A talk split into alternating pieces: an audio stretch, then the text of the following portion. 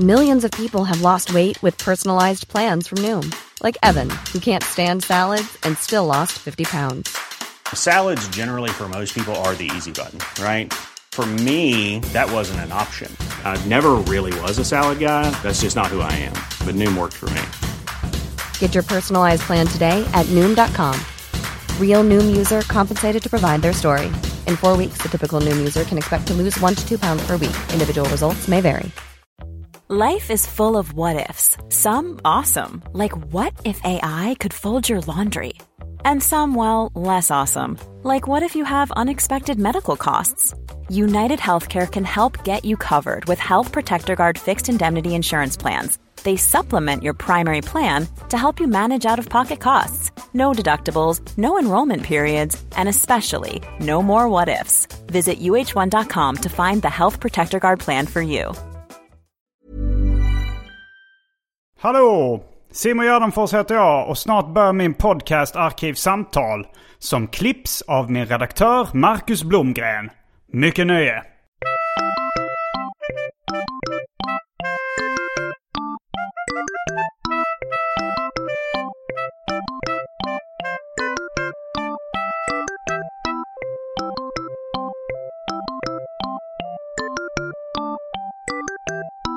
Hej och välkomna till Arkivsamtal. Jag heter Simon Gärdenfors och med mig idag har jag serietecknaren och den allmänna underhållaren Johan Wanlo.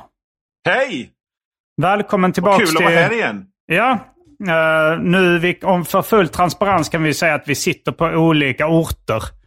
Uh, så du är ju inte fysiskt här.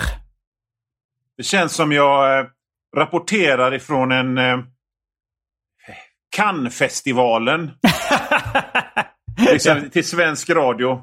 Det är gör många kändisar här. Och Tom Cruise är jättekort och så. Ja, du sitter i Göteborg, jag sitter i ja. Stockholm. Eh, vi brukar ju podda när jag, är i, eh, när jag har vägarna förbi Göteborg. Vilket har beskrivits som det speciella Göteborgs-soundet. Det brukar inte bli riktigt samma ljudkvalitet eh, då. Jag tror det här är på ett sätt bättre rent ljudkvalitetsmässigt. Vi har alltid fruktansvärd eh, otur med ljudet. Mm. När du har varit nere i Göteborg. Och det har alltid blivit så här liksom, att det har börjat med, med goda intentioner. Jag har tagit med mig en mick och så har det slutat med att vi ligger bredvid varandra över en säng och hojtar in i en och samma mikrofon. Liksom, för att det ska vara... ja. Men äh, det var ett tag sedan äh, du var med i Arkivsamtal. Äh, ja, för de lyssnarna som... Ja, men, allmänna underhållare, det, det kanske man kan säga. Du har, du har en podd, du äh, gör lite... Jag vet inte vad du gör mer än att poddar och teckna serier och skämtteckningar. Skriver uh, krönikor och sånt där. Så här, man kan väl säga så här. Jag har en podd mm. som handlar om böcker som heter Läs hårt som jag gör ihop med Magnus Dahl. Mm. Men det är en liten podd. Liksom, den har eh, typ tusen lyssnare och sådär. Mm. Uh, uh, men den är ju då baserad i mitt litteraturintresse. Mm. Och sen så har jag ett radioprogram i, i en liten västsvensk radio, Classic Rock-radiokanal. Och det här tycker jag är så läckert. liksom att det, den sänds över Mölndal, Ale. Ja. I viss mån Lerum. Jo men det var väl din dröm berättade du om ja. i ett tidigt avsnitt av Arkivsamtal och få vara en sån här rolig gubbe i en radiokanal. Ja, ja alltså min dröm var att vara som en sån här... Eh, eh, när, när jag var ung och det var så här, man lyssnade på radio på P3 så var det alltid, framförallt så var det väldigt medelålders farbröder som skulle hålla unga program om nuet. Och mm. här kommer den senaste popmusiken ifrån England. och, så och, så hade de, och så var det så här, liksom, det var, man fattar ju liksom att det där var ganska påkostat och att, eh, att det var, eh, du vet, det var reportage och skit. Men så hade de alltid en, ett inslag i alla de här programmen där det var Knäppe-Bengt ringer in och gör roliga röster. Och just den ville jag vara. Ja, ja, ja. Uh, alltså jag tänkte på det för jag, jag pratade med uh, tecknaren Pike som du kanske också känner lite grann. Ja, ja visst. eh, igår. Och då så, så berättade jag, jag kanske det var då apropå att vi skulle podda idag, men eh, jag sa att jag jämförde din podd med det som kallades för lallen, som Kalle Sändare bland annat höll på med. Känner du till fenomenet lallen? Men det var men jag har för mig att det typ var ett jazz...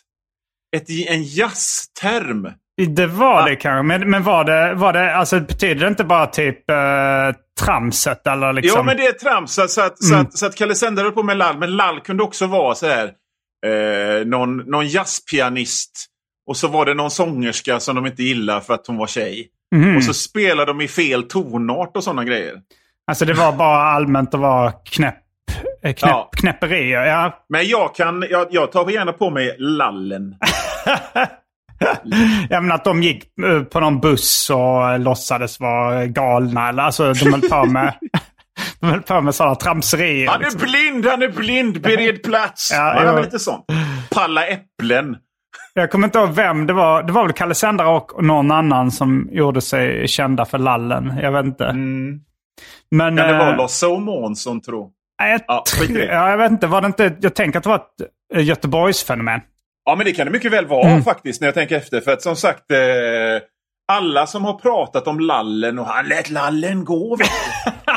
Sonja Hedenbratts bror, han var, en, han var en jävel på att dricka va? och han lät alltid lallen gå. Ja, för lallen, jag har aldrig hört den någon annanstans förutom i det sammanhanget. Alltså är Ja, det... alltså, ja, för innan jag fick höra liksom uttrycket lallen och låt lallen gå. Mm. Så var ju lallare ett, ett vedertaget uttryck. Och då, Just för mig är det då någon som eh, eh, hävdar att han är bra på någonting men sen är kass. Mhm. En, Men det kanske är någon helt annan. en skrävlare liksom. En, eh, Ja, Just det. Ja, men lallare tänker jag mer är bara en allmän eh, eh, lös och ledig person. Alltså så här lite någon oseriös människa tänker jag. alltså att man säger det är en jävla lallare om någon som, eh, en, som är liksom inte, eh, ja men som är oerfaren. Alltså det är ett allmänt skällsord liksom. ja, ja men lite så. Mm. Men, Ja, men eh, som om vi tar jazzbetydelsen Mm. så, tar jag, så tar jag, jag kan gärna byta ut allmän, allmän underhållare mot eh, allmän lallare. Det går Mm. bra.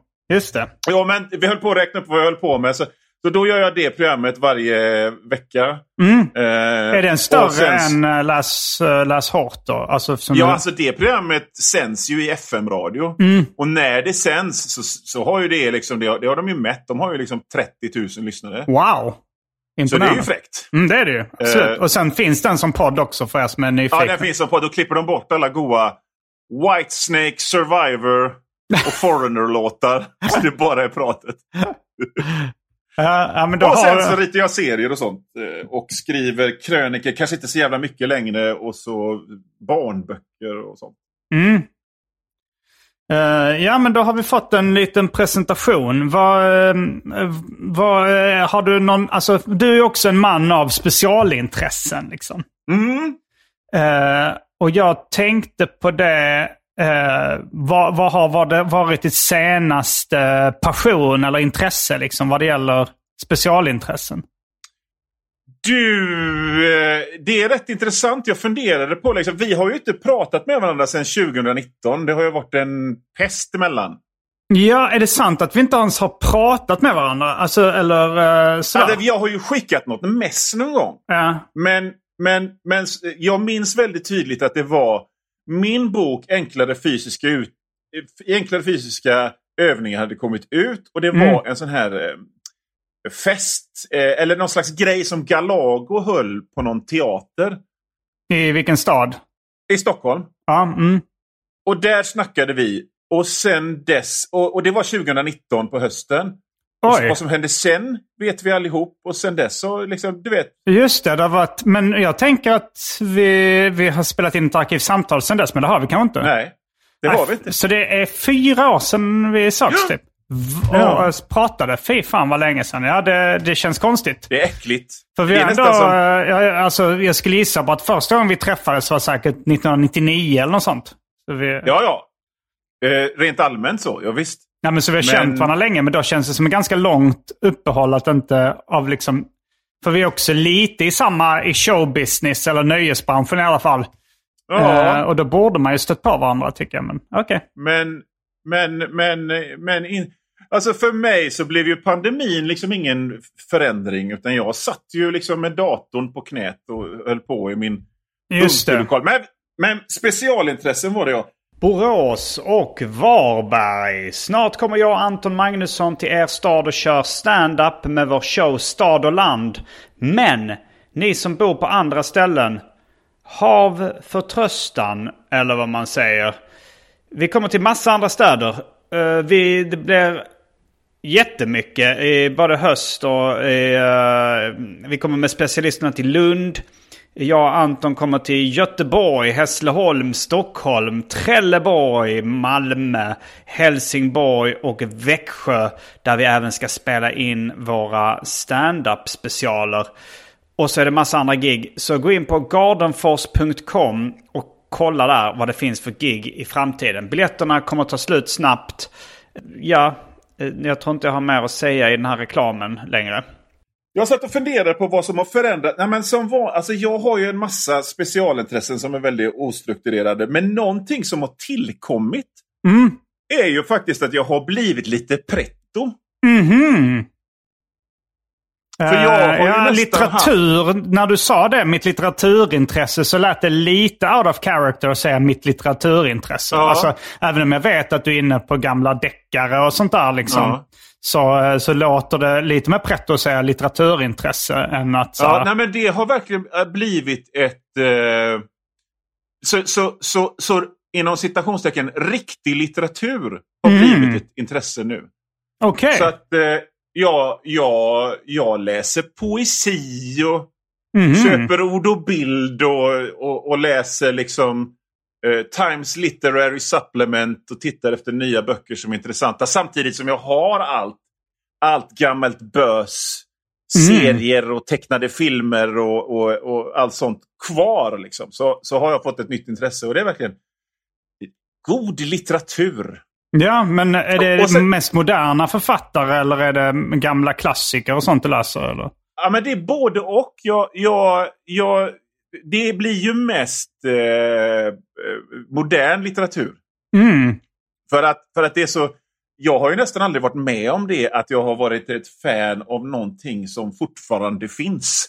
Utan det Nähä. har alltid varit avslutade, liksom. Den och den deckarförfattaren, den och den serietecknaren. Men nu är det så fräckt att kunna liksom vara... Eh, man, man är mitt i liksom någonting, någonting aktivt. Och så, och så märker man också såna här grejer som att man har missat väldigt mycket. För att man bara har varit en sån... Nu låter det väldigt mycket som att jag gör en livsstilsgrej, en flippig grej av det här. Mm. Men jag tycker snarare liksom att mitt tidigare så här bitande fast i, i crap, Mm. roligt crap, en crap, har varit en livsstilsgrej. Så att jag tänkte så här att jag läste en recension av Bret Easton Ellis senaste roman till exempel. Ja, den har jag varit sugen på att läsa. Jag läste hans för... Jag läste det mesta av Bret Easton Ellis. Eh, Jag läste White som var någon slags novellsamling som kom för ett gäng år sedan. Ja. Men jag har inte hunnit, eh, jag har inte hunnit läsa den senaste. Som den Nej, fick en, Jag såg att den fick en väldigt bra recension. Var det Fredrik Strage som höjde den till skyarna? Ja, men det kan jag mycket väl förstå eh, att, att Fredrik Strage gillade den. Mm. Eh, och där, jag rekommenderar den, den är jättebra. Men, men sen när jag liksom fick hem den så tänkte jag, men fan vad mycket vad mycket, mycket jag har missat. Liksom. Läste inte du American Psycho och de böckerna? American de... Psycho läste jag. Men sen har jag inte läst annat. Så att jag liksom klämde. Jag hade för mig att den här nya The Charge då skulle vara... Den skulle hänga ihop med Less than Zero som var hans första bok. Mm. Eh, eh, Noll, Noll att förlora. Jo, men den läste Ja, jag på 1900-talet. Ja.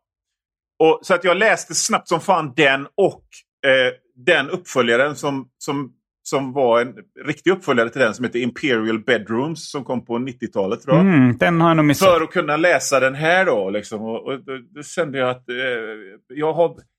Det, det är bättre att bara släppa och vara skön. Mm. Än att bita sig fast i, i liksom grejer som någon slags livsstilspryl. Speciellt liksom i min ålder. Ja, Ja, men så- alltså, har det varit, eh, alltså har det varit mycket en livsstilsmarkör? Alltså dina kulturintressen innan? Eller, är- för jag har ändå uppfattat att du har njutit på riktigt Jo. av något Acke-nummer eller... Oh ja! Nej, Mm. men absolut. Men det har ju också blivit att man, att man så automatiskt när man så här, står på...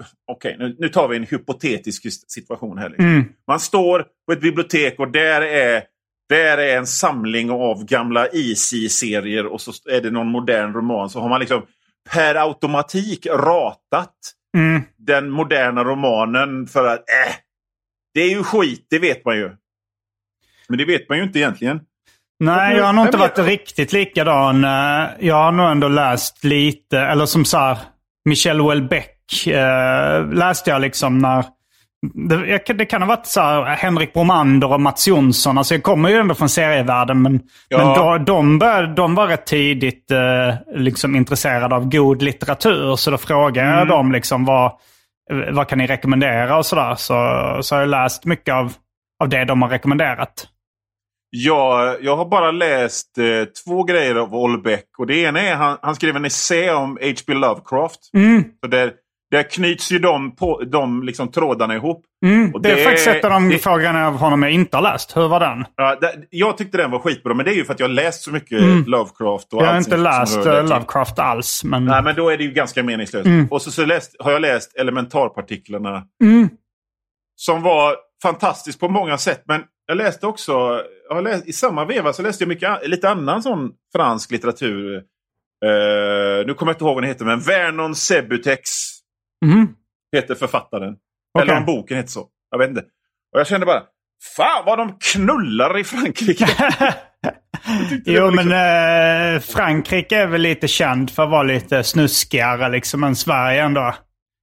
Eh, men jag tänker att förr i tiden på, på 70-talet och sånt knullades det väl mer i svensk litteratur också. Då skulle de ändå liksom ha ett och annat knull i böckerna.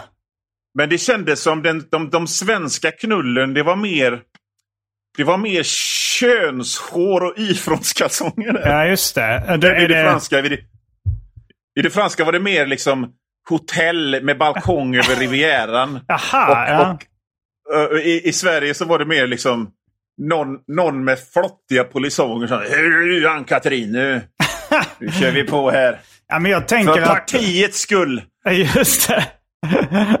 jo, men eh, jag vet inte, jag har inte läst så mycket Sjöwall Wahlöö och sånt, men jag Nej. har för mig att de har en del sådana eh, knull för partiets skull i, i de böckerna, liksom de gamla 70-talarna. Ja. Men, eh, nej, men jag, jag tänker att det är ungefär som när man kollar på en, eh, en eh, actionfilm eller något sånt så ska det vara ett gäng fighting-scener liksom med. Att det för att folk, eh, att folk tycker det är tråkigt annars. Liksom. Och så kan Ja. jag tänka mig att det är i fransk litteratur. Att det ska vara lite knullscener också. Liksom. Att det är bara Aha, någonting... det är ju 40 sidor där de inte har Jo, jögat. Men man ska få det som liksom Hu- Hulken-tv-serien så skulle han bli Hulken två gånger. Liksom. Man satt och, och väntade på det. Om Ja. Det skulle vara konstigt annars att det har blivit en sån standard liksom är kanske då. I franska böcker. Har du läst om... Eh, jag har bara hört talas om den. Jag har inte orkat eller vågat forska i det. Men det ska, jag har gjorts en porrfilm med Olbeck. Uh, eh, just det, en ganska ny va? Jag har sett två eh, uh, Houellebecq-filmer. Uh, eh, den som heter någonting i stil med Kidnappningen av Michel Houellebecq.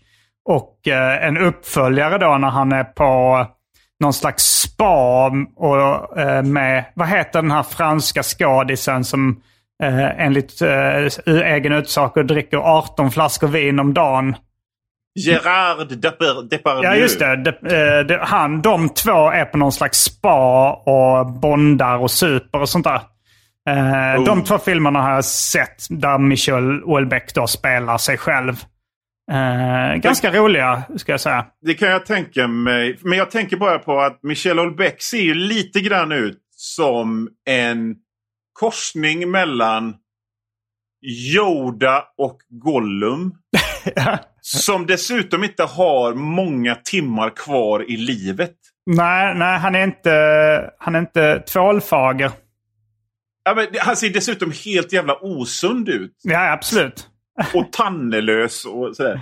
Så jag bara tänker vilken, vilken, vilken skräckupplevelse en porrfilm med honom skulle vara. Jo, men det kanske är det här. Jag kan tänka mig att en viss genre inom porr eh, ska vara det att det är rätt fula killar så att konsumenterna ska kunna identifiera sig med killen då. Att, Ja. eh, att de vill inte se någon snygg... De tycker det är bögigt när det är för snygga killar i, i heteroporren liksom. Ja, men jag måste säga att jag, jag, jag känner mig liksom lite sådär freakshow-sugen Mm. på att se hur, hur, hur länge han orkar.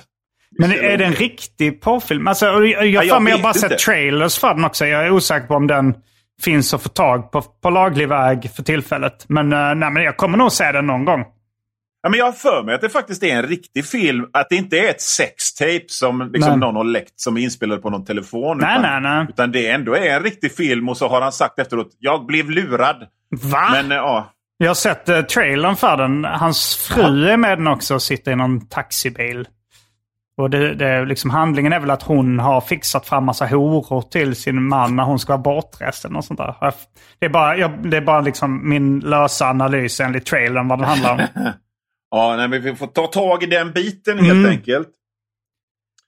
Så det är väl det som är liksom det, det, det senaste specialintresset. Eh, Mm. så. Men sen så vill jag ju gärna sticka emellan med någon, eh, med någon gammal deckare eller westernroman. Speciellt nu på sommaren. Och så, och så läser jag... Jag, jag, jag gillar idén med liksom gamla serietidningar och sånt. Även om jag kanske inte läser dem så jävla ingående. Utan det är mer att jag bara tittar på dem som objekt och tycker oh, Mm. oh Reed Crandall, vilket S! Vem är Reed Crandall? Ja, men han var en sån eh, skräcktecknare då. Liksom. För EC Som- eller? Easy. Mm. Jag kan lika gärna säga Wollywood, vilket S. Eller, eh, Ja, Wally Wood Så. det har jag lite mer koll på. Han tecknar också för Mad Magazine och, mm, och uh, begick självmord och, och sådär. Det, eh, honom, var, eh, honom pratade jag om senast uh, igår då med Pike. Eh, jag kommer Ja. inte ihåg vad det Jo, jag, och jag pratar om honom också ibland när jag... Ja, men jag tänker på det för när, om, om jag liksom... Daniel Klaus, serietecknaren, eh, Ja. känd för Ghost World och annat som lyssnarna eventuellt känner till. Men han, eh, han har nämnt Wally Wood vid något tillfälle så här att Eh, han lär, för när han var då eh, ung eller barn, Daniel Klaus, så var liksom Wally Wood hans eh, idol. Och så läste han någon intervju med Wally Wood som gnällde på någonting liksom sådär att han inte hade fått tillräckligt betalt för något eller vad det var. Och så hade Daniel Klaus vid det läget tänkt så här. You're Wally Wood. Why do you care? You're the coolest guy on the planet. Och sen berättade då Daniel Klaus att nu hade han blivit likadan som gammal då. Han liksom var där, oh they owe me money, those bastards och sådär. och att eh, han antyder då att han är the coolest guy on the planet nu. Alltså Daniel Klaus, vilket han ja, i viss mån kanske är liksom, eller en av de coolare. Han har ju liksom eh, en Hollywood-karriär och eh, hyllad som serieskapare och konstnär och sådär ja. kan göra lite vad han vill.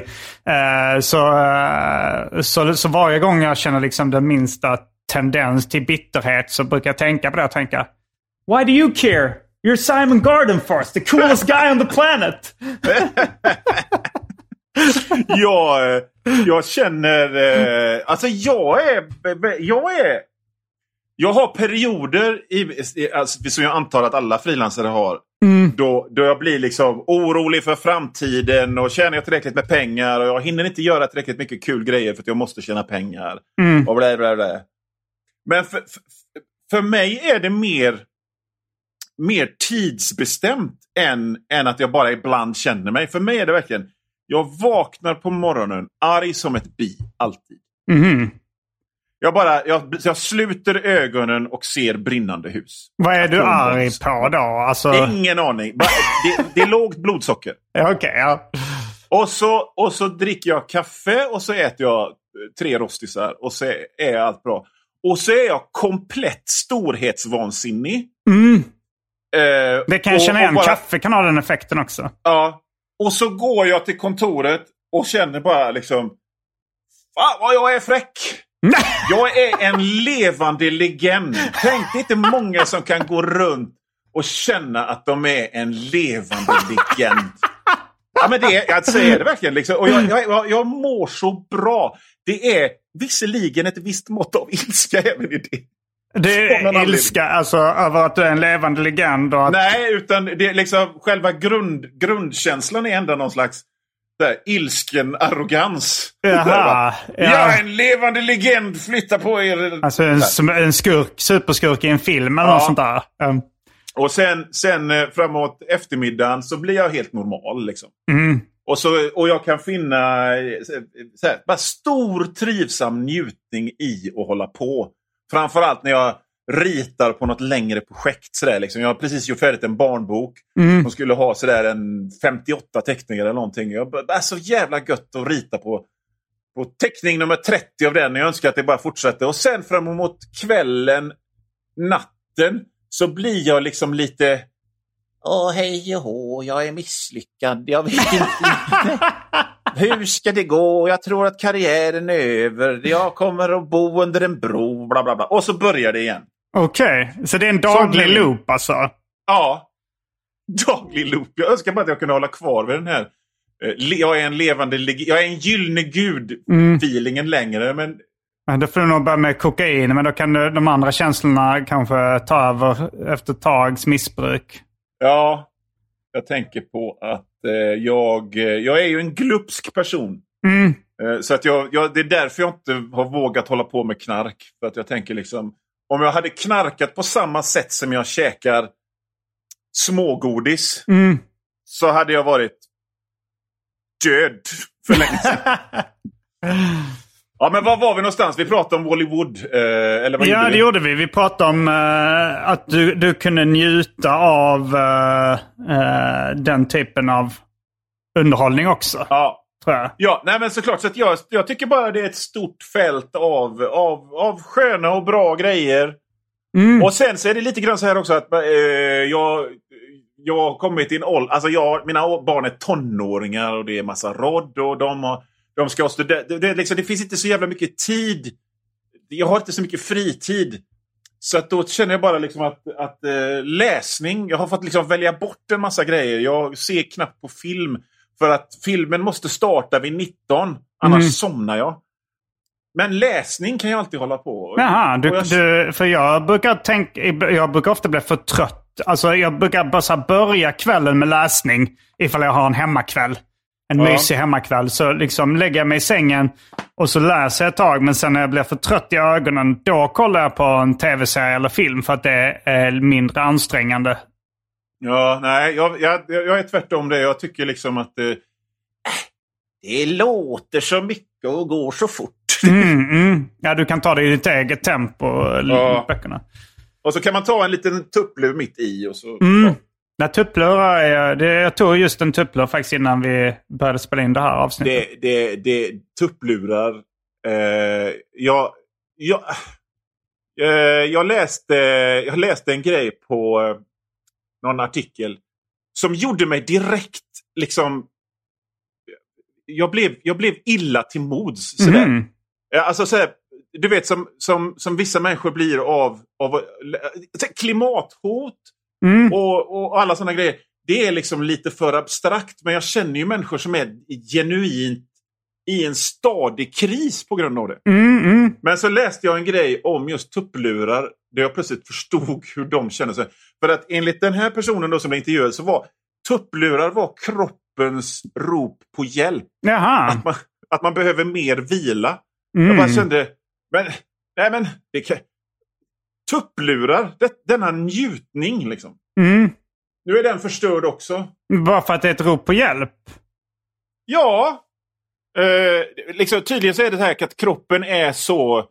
Man är så utmattad. Att man, att man, man är så pass utmattad så att tuppluren är en, en desperat åtgärd i panik. Ja, alltså dels vet jag inte om jag tror på att det stämmer. För jag, jag har hört uh, andra forskningsresultat som mer visar att det är, det är bra. Det är som liksom promenader eller vad som helst som bara är nyttigt att ta ibland. Och, men sen för det andra så tänker jag att bara för att det är en desperat åtgärd så behöver inte det ta bort eh, njutningen. Nej. Alltså tänk ifall du eh, är rökare och desperat behov av en cigg eller om du, du är liksom en nerbruten, eh, stressad och så tar du den där cocktailen klockan fem och det är en desperat åtgärd. Då kan det ändå vara en, en total njutning. Ja, ja. Absolut. Ja, ja, ja men helt sant. Apropå det, jag har börjat snusa igen. Efter många års uppehåll. Och jag inser här liksom att...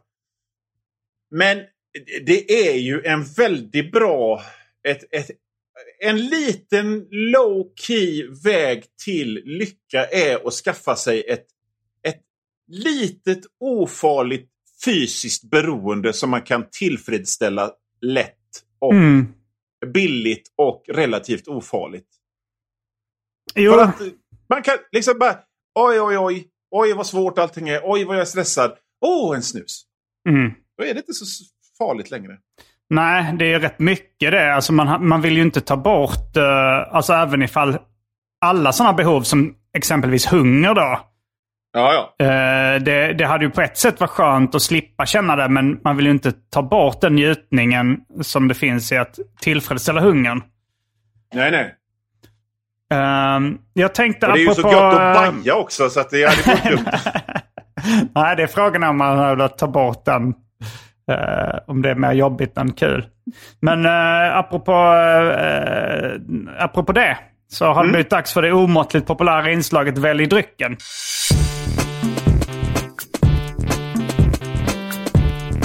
Jag tror vi börjar med det fasta inslaget Välj drycken. Och nu är vi på olika platser både i livet och i eh, Sverige. Nu vet jag inte om vi... Jo, vi är på lite olika platser i livet. Du är en flerbarnsfar och jag är lite något mer av en frifräsare. Eh, men eh, därför tänker jag att vi mest... Vi behöver inte räkna upp alla alternativ som finns i, i bådas kylar utan vi mest kan säga vad vi själv kommer att ta och sen går vi och tar det. Ja. Jag kommer att ta eh, eh, en, en, eh, en sån här må- måltidsersättning. Som heter This is food. Okej. Med smaken smooth vanilla. Mm. Det låter ju lite som eh, att det är mer mat då än dryck. Ja, ja men så är det. Men, Men, det, eh, men det, det är är- även dryck. Ja, det är som ketchup då, att det är både mat och dryck. Eh, ja. Ja, Nej, men, så, så, men det, i övrigt så har jag bara eh, vatten. Mm. Eh, jag kommer ta en uh, Fanta Zero med smak av apelsin. eh, som är den drycken som jag dricker mest här i livet. Ja. Eh, men då är vi strax tillbaks med dryckerna kända från det omåttligt populära inslaget Välj drycken. Häng med!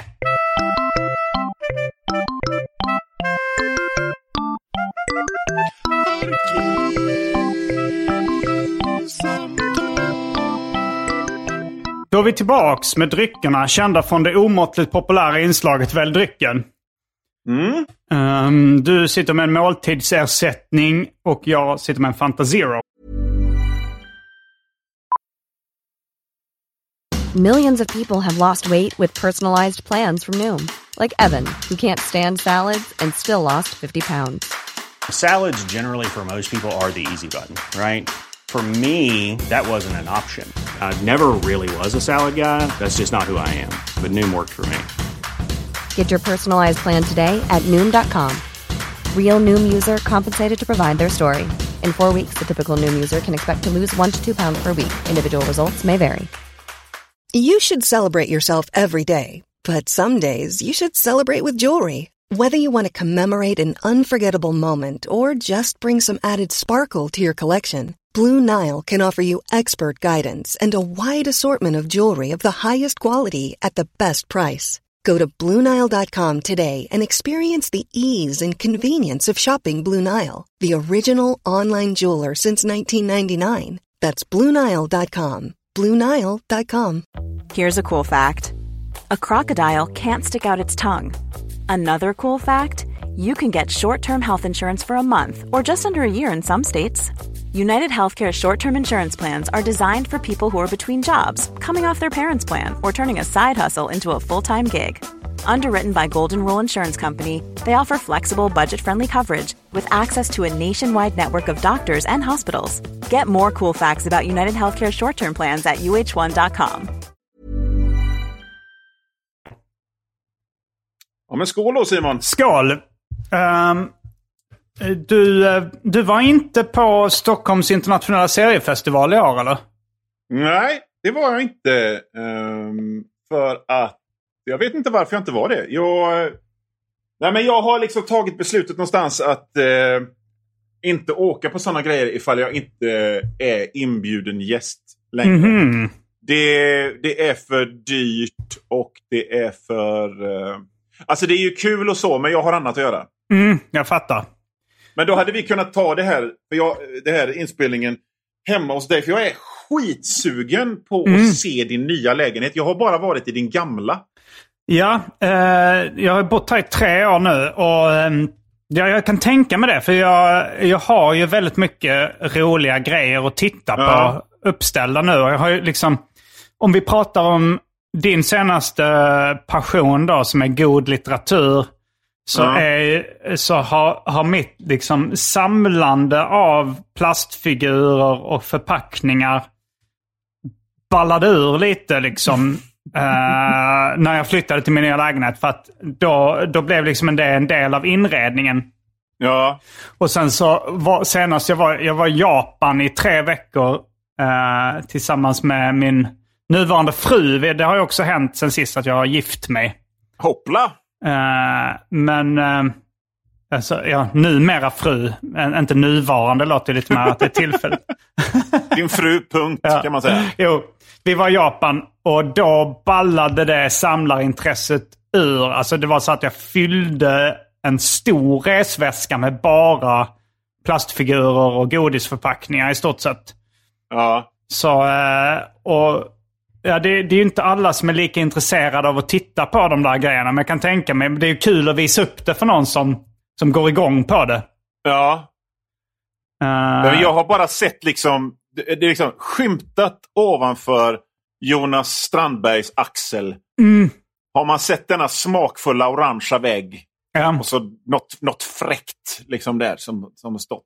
jo. Men, men, men eh, det, det, låter, det låter som detta ledde till någonting. Denna Eh, urballning. Ja, det vet jag inte. Alltså, vi skulle göra då en... eh, Eller vi håller... Eller mest Andrea då. Hon håller på med en dokumentär om japanska samlare. Eh, för hon sökte ett stipendium då till Japan och, och fick lite stålar för att åka dit. Och så åkte vi runt och träffade olika samlare. Och då så kom jag in i den världen också. Det kan ju vara så också när man, när man umgås i en sån miljö där folk är liksom passionerade samlare. Då smittar det av sig. Ja, ja, ja. Och eh, och jag, jag brände rätt stora summor pengar då också på samlarprylar. Eh, och sen så, men, men jag visste lite med mig att när jag kommer hem och ska fortsätta eh, jobba med min långfilm och min stand-up-turné, då kommer det här intresset svalna lite. För jag, jag var ju liksom helt uppe i det då, så att oj, jag måste hitta en stor Mr. Contact-figur eller en Quisp-figur som ska matcha min fräsiga flingförpackning med samma motiv.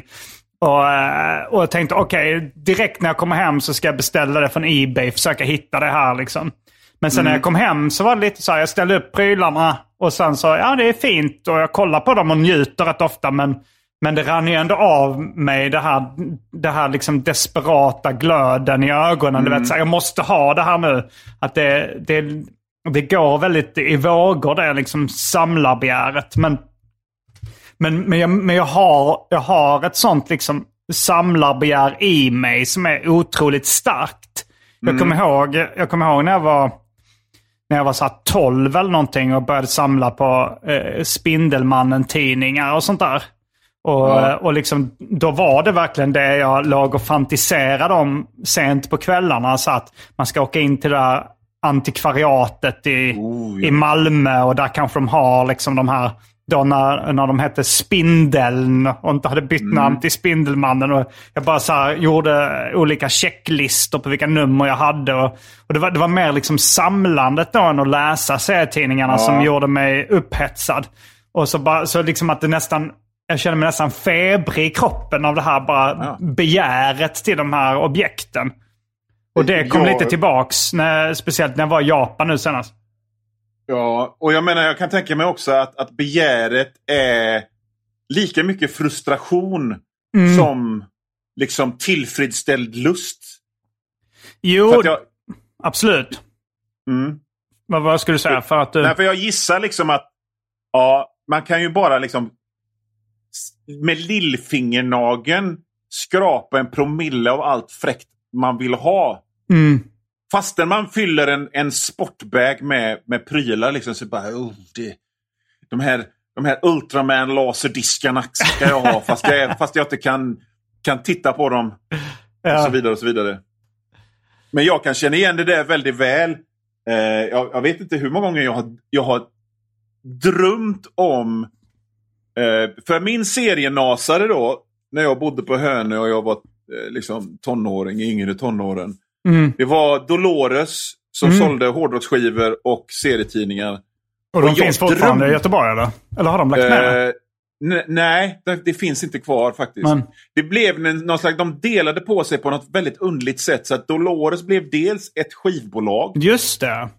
och sen så var det en, en, en, en affär med, med serietidningar och grejer. Och, och själva Dolores, för hur det är med skivbolaget idag, det vet jag inte. Men, men affären finns ju kvar online.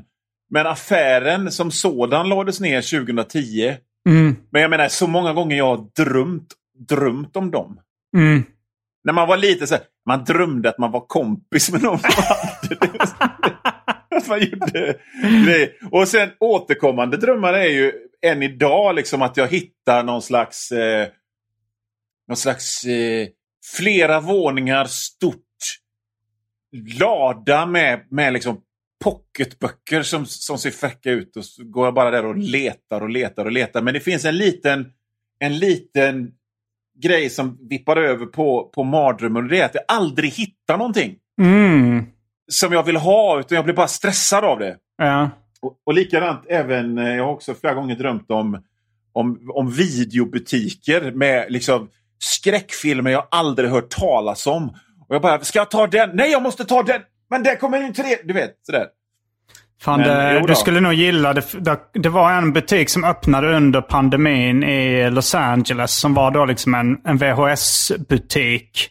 Mm. Eh, där de bara hade, de hade ganska mycket ovanliga VHS och sen hade de också en, en, en liksom eh, bioduk då som var fyrkantig där de visade gamla, där de visade VHS-filmer enbart liksom. Så det var det här fyrkantiga formatet.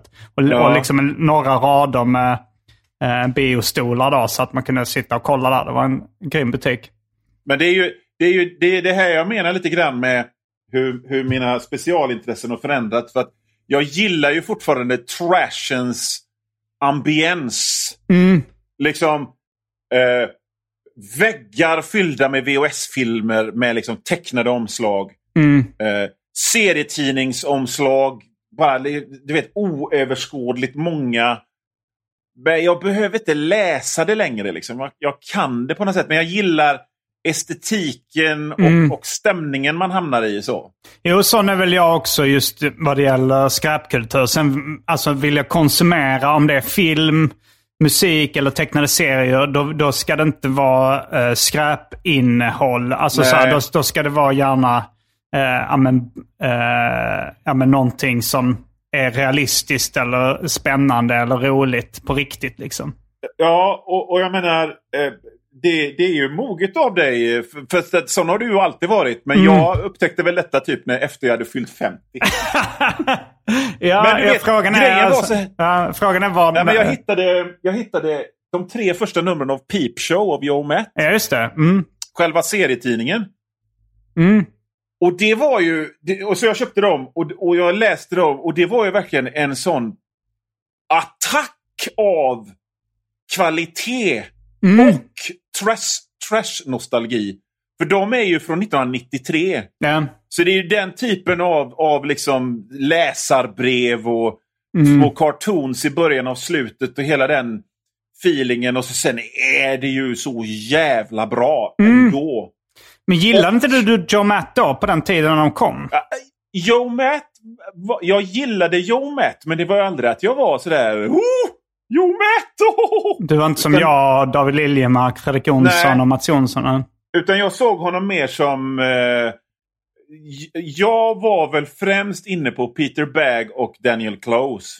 Klaus. Mm. Just det. Vad man säger. Jag vet faktiskt inte. Jag tror det är Klaus, men... Ja, Klaus. Daniel Klaus. Och, så att jag menar... Eh, och då, det känner jag fortfarande. Eh, Daniel Klaus har ju inte gjort någonting på länge. Jag vet att det kommer en ny serieroman. Ja, den har han väl på, hållit på med rätt länge. Men ja, han Ja, har väl han ändå... har hållit på Han har väl alltså- aldrig tagit en paus. Han har väl bara tuffat på liksom. Ja, men jag, alltså, jag fattar inte. För att den förra kom ju typ 2015 någonting. Vilken var det? Eh, vad fan är den heter? Den här Patience. Patience, ja. Och sen dess har inte jag sett någonting av honom. Utan jag har Nej, bara sett eh, ompaketerade gamla grejer. Ja, men jag tror att det kan ta honom en åtta år att göra en bok. Liksom. Men den ser jag ju verkligen fram emot. Mm. Men samtidigt, Peter Baggs se, nya grejer är jag ju inte förtjust i alls. Jag har inte läst honom på länge heller. Men, eh, men, ja, men Joe Matt, det, det han är ju inte så aktuell. Det var ju, jag, jag fick ju se hans uh, opublicerade serie när jag var i LA och, och hängde med honom. Ja. Och det är, det är så här, fan det här är precis det jag vill läsa. Men det är så himla frustrerande att det kommer ta åtta år för honom att göra de tre sista sidorna kvar på nästa nummer av Peep Show. Ja. Eh, men jag pratade Men då om, om med så Sammy Harkham som... eh, eh, ja, men jag tror han gav ut uh, Kramers Ergot som är liksom den, den förra eh, antologin med serier. Han, han Mm. umgicks en del med Joe Matt. Han sa också så här, han pratade om så här, eh, om Joe Matt, vilken bra författare han är. För han sa så här, Mm. för att det han berättar om, det borde egentligen vara pisstråkigt. Men han får det att bli så fruktansvärt intressant. Ja. Verkligen. Och liksom sina sämsta sidor. Mm. Han, han, man, man, man, eh, I de här tre första numren då så är det ju liksom det här att han gör slut med sin tjej Trish. Ja, eller Och hon gör han är med ju honom. den sämste figuren i hela, hela alltet. Liksom. Mm. Han- Jag undrar hur medveten han är om det. Eller om han mer så här eh, tycker att han gör rätt beslut och bara skildrar allting ärligt. Alltså det kan ju finna, jag kan ju tycka liksom att det är, är, är lite... I ljuset av Louis CKs runkhistoria Mm. Så kan jag tycka liksom att det är lite... Eh, det är något, det är något eh, lite lögnaktigt och lite oärligt med det här med folk som säger Jag är ärlig! La, Mm. la, la. Och, så, och så är de inte det för att liksom, det fanns ju ingenting om... Han drog ju inga stories om att liksom, ringa upp kvinnliga ståuppkomiker och runka i telefonluren och sådär. Så att han var ju inte så jävla ärlig. Jag tror att det är liksom lite grann en pose. Men när det gäller John Matt så, så var det liksom ingen pose. Och det är ju det som gör det till konst. Ursäkta att jag är så otroligt ointressant Simon. Men, men, men, men det är ju så liksom att, att det, det är det som gör det till något intressant. Och så är det så fruktansvärt snyggt tecknat också. Ja, han är grym tecknare också. Ja, Uh, kom men... vi in på eh, det igen. vad sa du? Nu kom vi in på det där med serier igen. Ja, men det är, det är inget att, Nej, skämmas för för. Men jag funderar lite på hur ditt... ehm, hur började det här eh, intresset för god litteratur? För din del? Men alltså det kan vara lite grann med att eh, nej, men man växer ju hela tiden. Mm. Man växer och utvecklas hela tiden. Eh, i, i, i, I en, i en eh, annan takt. I, I olika takter, olika människor. Jag, jag upplevde väldigt... Jag tyckte liksom... Jag såg på mig själv utifrån att ja, men jag är smart. Mm. Och jag är vältalig. Och jag är rolig. Men jag är i mångt och mycket också fruktansvärt dum i huvudet. Alltså, jag är korkad som en... Alltså frågan är ibland, när jag tänker själv, jag undrar om jag ens har tresiffrigt IQ egentligen. Varför, varför fick det att tänka så? Alltså jag har inte Nej, men jag upplevt bara dig som korkad det att det finns alls, stora alltså. vita fläckar i mitt, i, i mitt sätt att vara och, och, och vad jag kan och vad jag, vad, vad jag vet och, och sådana grejer. Så att jag tänkte bara någonstans att jag skulle...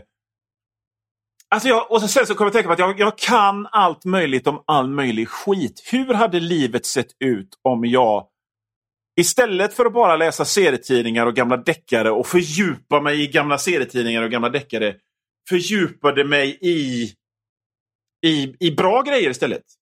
Men var det bara en blixt från klar himmel en vacker dag? Ja. det var någonting som växte fram. mm, den eh, känslan. Ja.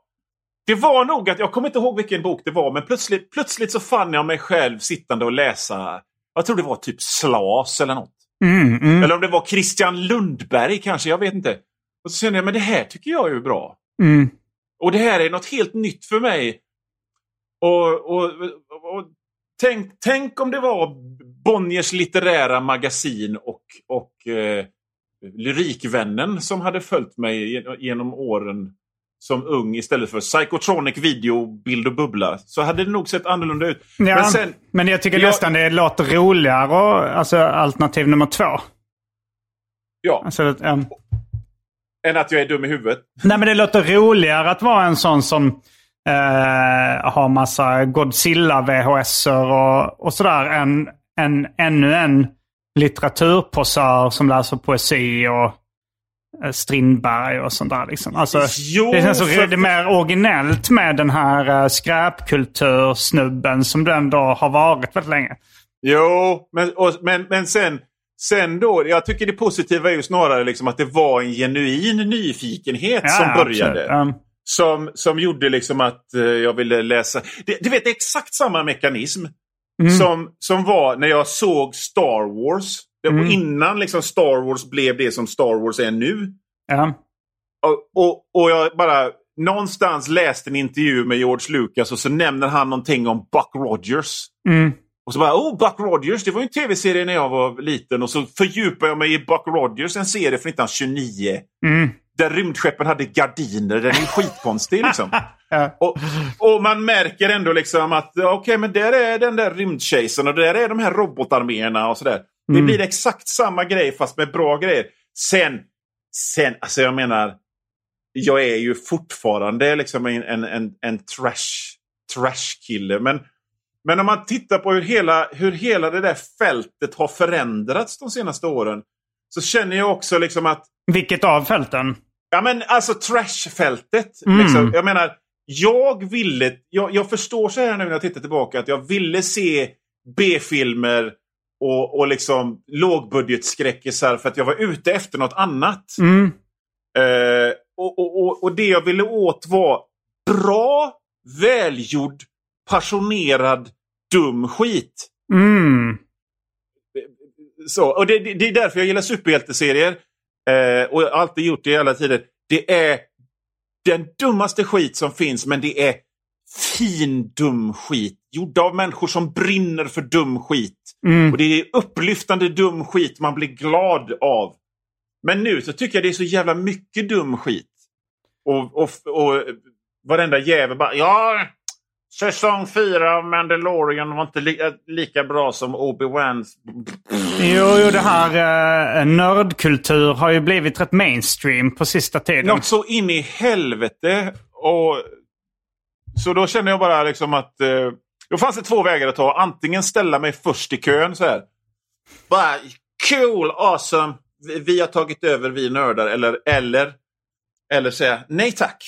Nu vill jag se, nu vill jag se franska nya vågen. Nu vill jag se, nu vill jag se en dokumentär om skolungdomar i Jordbro. Okej, du är en rebell ut i fingerspetsarna i mångt och Alltid. mycket. Alltid. Men sen så går ju en ny Godzilla-film alltid ner. Liksom. Mm. Ändå.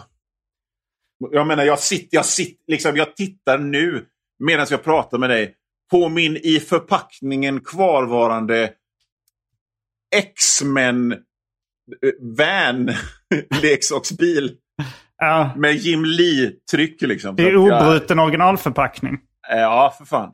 Så Mm. att jag är ju inte riktigt, eh, och, riktigt eh, jag har inte lämnat min, mina rötter riktigt än. Har du, har du kvar studion? Jag har, eh, den vi har spelat in tidigare avsnitt Nej. av. Var, utan du har ny, ny Eh, studio? den gamla studion, den legendariska studion, Mm. den som, där jag hade tagit över 30 kvadratmeter eh, förvaringsutrymme med allt mitt mök. Den var Mm. jag tvungen att flytta ifrån för att de skulle, de skulle bygga lägenheter där. Men, men som tur är, liksom killen som är så teknisk förvaltare på det bostadsbolaget, han, Mm. han, han är samtidigt ett fan, inte bara av mig, utan av serier och kultur. Så att han, han, var, alltså han, han vände ut in på sig själv för att hitta ett nytt lager till mig. Mhm, mm. Eller eh, hitta en ny, en ny lokal till mig när jag kunde sitta och jobba. Så att jag fick till samma pris som min gamla. Du kan säga att den gamla lokalen var alltså sju kvadratmeter. Eh, belamrad med bröte och så Mm. sen eh, det här lagret då förstås. Så att jag fick, ett, jag, fick, jag fick ett nytt, några hundra meter bort, 20 kvadratmeter till Wow. samma pris. Fan vad gött. Ja, så eh, det är väl en av dem. Liksom, där har jag verkligen haft tur när det, gäller, när det gäller sånt. För att jag känner ju människor som betalar 5 000 spänn i månaden för, en, för ett skrivbord någonstans. Hur mycket, många tusen sa du? Fem? Fem? Oj jävlar. Ja. Eller Eh, jag överdriver kanske, men åtminstone eh, tre. Ja, det är nog inte omöjligt.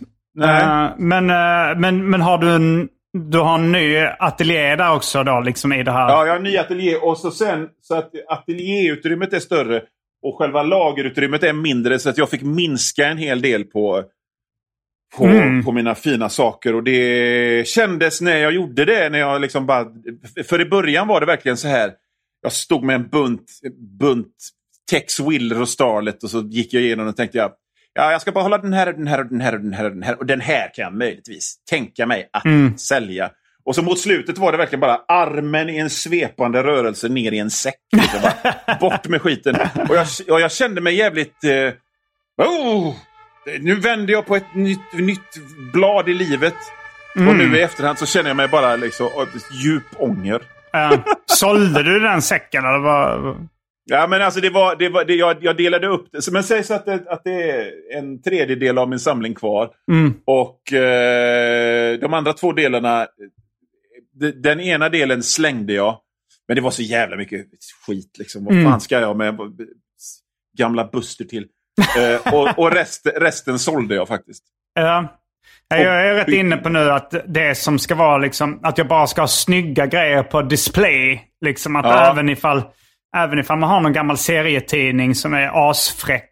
eh, Då, då får den vara liksom bakom lyckta dörrar. Att det som ska synas utåt, det ska bara vara toppsnyggt kvalitet. Mm. Du, känner du till eh, eh, Big Little Books? Ja, absolut. idag så hade jag en sån dagdröm om att liksom... Eh, för jag tänkte att de har så extremt snygga ryggar oftast. Mm. Och jag hade en sån dagdröm om att liksom... Att alla böcker som jag skulle ha på display i mina bokhyllor skulle vara Big Little Books. ni, kan, ni kan googla dem uh, ifall ni vill. Uh, eh, och det tänkte jag, fan det här hade ju varit skitfräckt. För de flesta liksom, bokryggar på seriealbum och vanliga böcker och sånt är ju rätt trista. Ja. Men, men om man skulle ha liksom de uh, fula bakom lyckta dörrar och sen bara ha de här snygga Big Little Books i olika rader. Det hade ju sett skitfräckt ut. Har du många Big Little Books? Jag har faktiskt bara en. Eh, och det är en Scrappy Big Little Book. Vet du vilken figur Scrappy är? Alltså det är inte Scrappy då, utan det är eh, Dick Humors eh, Scrappy. Det är, alltså jag såg den figuren första gången i en seriebutik i Berlin tror jag. Grås Ja. eh, Undfang eller vad den heter. Och då, då var det liksom en bok om gammal tecknad film där. Och då, ja, ja. Och då fick jag så här liksom hjärtat i halsgropen, svettningar och, eh, och liksom höjd puls av när jag såg den bilden på Scrappy som var en liksom tecknad filmfigur från 30-talet. För att det såg ut precis, eller väldigt likt min eget seriealter ego liksom. Ja, figur. ja, ja, ja. Men då tror jag jag vet vilken det är till och med. Och så då, det här var liksom en av de första grejerna jag köpte på Ebay, tror jag. Det var den här Scrappy Big Little-boken från 30-talet eller någonting. Ja. Det gjordes ju försök med att ge ut de sådana i Sverige också. Big Little Books var väl en eh, 30 till 50-talsfenomen i USA. Men Mm. jag har lite senare varianter ifrån. Jag har en med Flipper. Mm. eh, Delfinen. Mm. Är det, är Är det det väl? tecknat omslag då eller är det foto? Ja. Mm. Och så, och så Big Little Books, de är liksom, eh, vad kan man säga, 10 centimeter eh, max. Ja, lite så, mer eh, kanske. Ja, men, men Pixie-boks fast de är skittjocka och så är det varannan bild en tecknad bild och så är det lite text. Mm. Och sen Och så, så har de de- liksom snyggt designade. De är, alltså, det är designen på dem. eh, jag har faktiskt en, eh, en bok som, eh, som då heter så här, The Big Book of Big Little Books. Eller något sånt där. Som är liksom Mm. en, en coffee table-bok om Big Little Books. Och där ser man ju, det är liksom, den designen är verkligen right up my alley. Ja, men det är gult och rött och så, och så sådana snygga tecknade loggor och sådär. Mm. Och så har jag någon med, med, med hacka hackspett också. Ah, ja. Mm. Som är svenska då. Jag har inga... ja, det fanns svenska Big Little Books. Ja, men, ja, men det är det jag menar. För att det gjordes ett försök att komma ut. Alltså jag vet inte vad, vad, vad de hette. Men det, det, det, de, såg, de såg ut som Big Little Books. Det vill säga små kartongartade inbundna böcker. eh, Fast ändå visst billig air. Eh, I Sverige. Men de är senare då. Jag gissar att de är 60-tal och Mm, 70-tal. mm. Och hur det nu kom sig att de fick för sig att göra en sån grej. Men ja. Fina Ja. grejer. Alltså jag, jag, jag, känner, jag känner... Om någon skulle syna mig nu Ja. om, om, om mitt, mitt, mitt, pretto, mitt pretto-blivande och Mm. sen skulle komma in här och så bara Men Johan, vad, vad är det för hög du har här? Ja, det är ju, min, det är ju mina, mina bunt med tuggummin i obruten förpackning Mm. med samlarkort liksom. Ja, men det Så- kan, du kan ju hävda att det är ditt gamla liv då om du hade velat. Jag vill inte släppa mitt gamla liv än. Jag inte riktigt redo för men jag blev väldigt sugen nu på eh, att visa upp mina samlingar för dig nu och min nya lägenhet. Det, du har inga planer på att komma förbi Stockholm snart? Då? Alltså planer finns alltid men det finns inga konkreta just nu. Men, Nej. men eh, gör, visst, gör jag det Mm. så lovar jag för att jag är direkt, eh, direkt sugen. Mm, direkt Och- sugen. Ja, Uh, ja, nej, det, ja, då hjälper det inte. Jag är ju i Göteborg lite då och då och uppträder och sådär. Men det, det, Mm. det hjälper inte riktigt. Jag kan inte, jag kan inte ta med hela samlingen. du kan inte visualisera i, i 3D. Hålla upp en iPad och så här ser det ut. Nej, det är, inte så, nej, det är roligare att vara och Ja, det är roligare grejerna, att liksom. titta på dem i 3D och så kan man ta fram liksom det är ur bokhyllan så här. Här ser du den här eh, plastfiguren är designad av Ryohei Yanagihara och här har han gjort två böcker med de här coola grejerna och så liksom visar man upp det samtidigt. Apropå plastfigurer. Frank Kozik dog ju. Vem är det? Eller vem var det? Frank Kozik, är, han, han var på 90-talet så var han en av de här som kom fram eh, tillsammans med Robert Williams och vad fan hette han? Eh, Kaz tror jag. De gjorde liksom tavlor, liksom fine art men som var inspirerade av, eh, av serier och underground-serier och sådär. Mm. Så om du någonsin har sett en, en, en teckning på en en storbystad naken djävulstjej som typ kör en sån gammaldags hot rod. Eller som äter glass eller som rider på en atombomb eller någonting. Ah. Så är det han som har gjort den. Men han Ja, eller jag också... tänker det skulle också kunna vara han Big Daddy Roth eller uh, Rockin' Ye- Jelly Bean eller något sånt där. Ja, eh, Bi- Big Daddy Roth var ju den som de tog, tog sig till. Mm. Liksom, för Big Daddy Roth var ju ändå 60-tal. Ja. Och så fick det en åt, liksom, återfödelse på 90-talet när han var gammal. Mm. Det, hela den estetiken med, med hotroddar med stora hjul som det kom liksom eld ur. Mm. Eh, och, och, och, så, så Frank var- men han var också någon slags sån här eh, custom vinyllleksakssnubbe. Mhm. Ja, designer toy. eh, för det kom ju rätt Ja. sent den trenden ändå.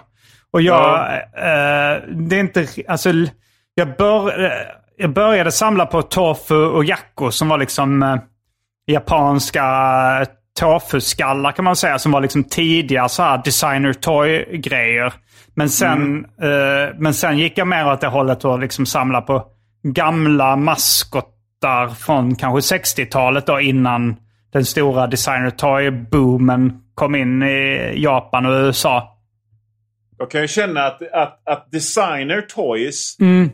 kan, ju, kan, ju, kan ju vara fräcka. Mm. Men det är ändå, ändå lite fusk. Ja, det, det är någonting som inte känns eh, helt rätt med det. Det, det, det känns mycket coolare att ha eh, liksom Panasonics maskot från 1960. Eh, gubben. Liksom sånt som folk har liksom köpt som billig crap en gång i tiden Mm. och sen slängt.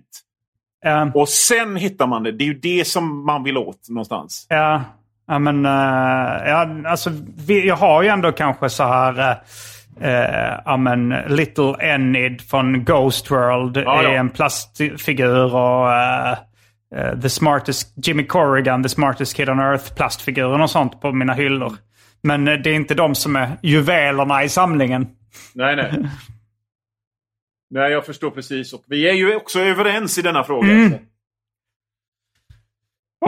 Ja, vi kanske ska börja avrunda den här eh, eh, ordinarie delen av Arkivsamtal. min eh, måltidsdryck är slut. Så det kanske är en bra idé. Mm. Men du kanske vill hänga med in i den Patreon-exklusiva världen? Oh! Mm. Härligt! Då, Gärna. eh, där vi kan prata för en mindre grupp utvalda människor. Eller, ja, Då ska vi man- börja svära. Ja. Frågan är om vi har svurit i det här poddavsnittet hittills. Jag kan inte minnas riktigt. Nej, nej. Eh, jag har väl säkert sagt liksom någon gång. Ja, Vilket jag ser som en, eh, ett tick jag måste bli av med. Men eh, svurit, nej. Inte, jag är inte principiellt mot svordomar så, men... jag har Ja. inte tänkt på om du svär eller inte. Alltså om du skulle säga så här, och det är jävligt snyggt där. Om du...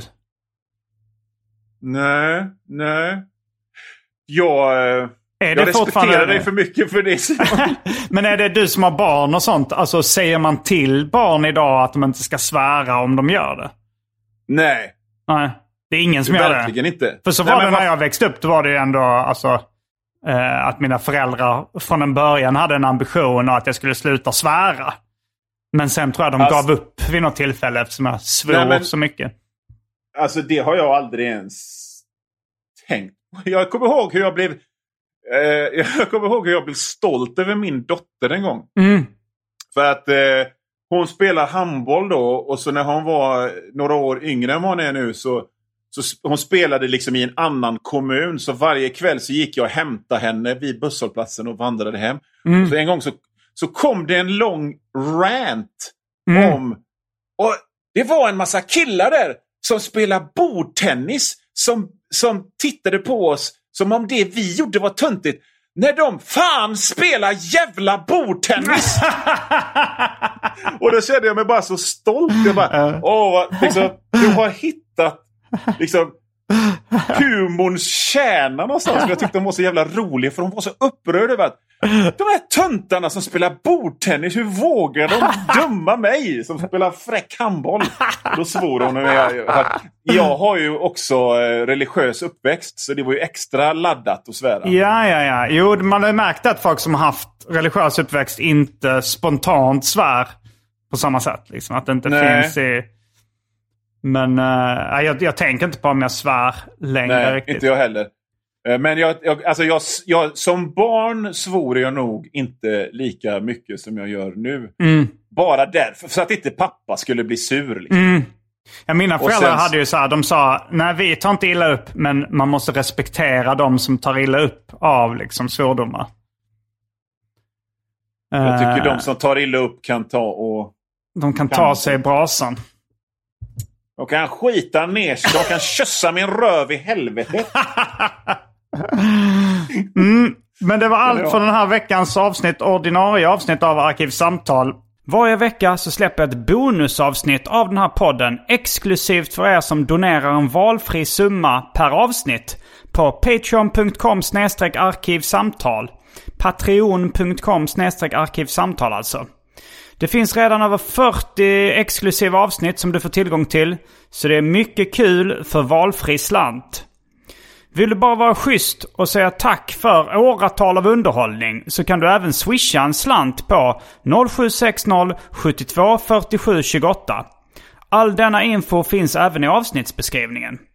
Och glöm inte att följa mig på Instagram och andra sociala medier. Där bjuds det på gratis skämt och mycket annat. Jag heter Simon Gärdenfors. Jag heter Johan Manlo. Fullbordat samtal.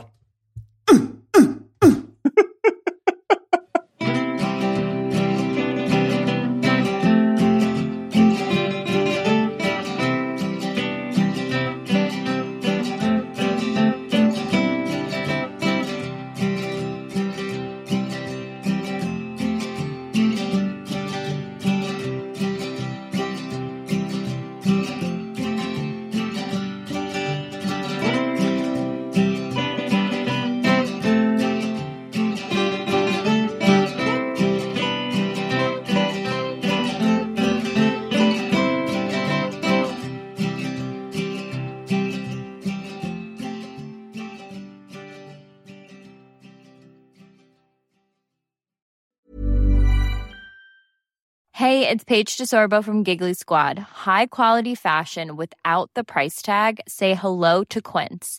I'm snagging high-end essentials like cozy cashmere sweaters, sleek leather jackets, fine jewelry, and so much more. With Quince being 50 to 80% less than similar brands. And they partner with factories that prioritize safe, ethical, and responsible manufacturing. I love that. Luxury quality within reach. Go to quince.com slash style to get free shipping and 365 day returns on your next order. Quince.com slash style.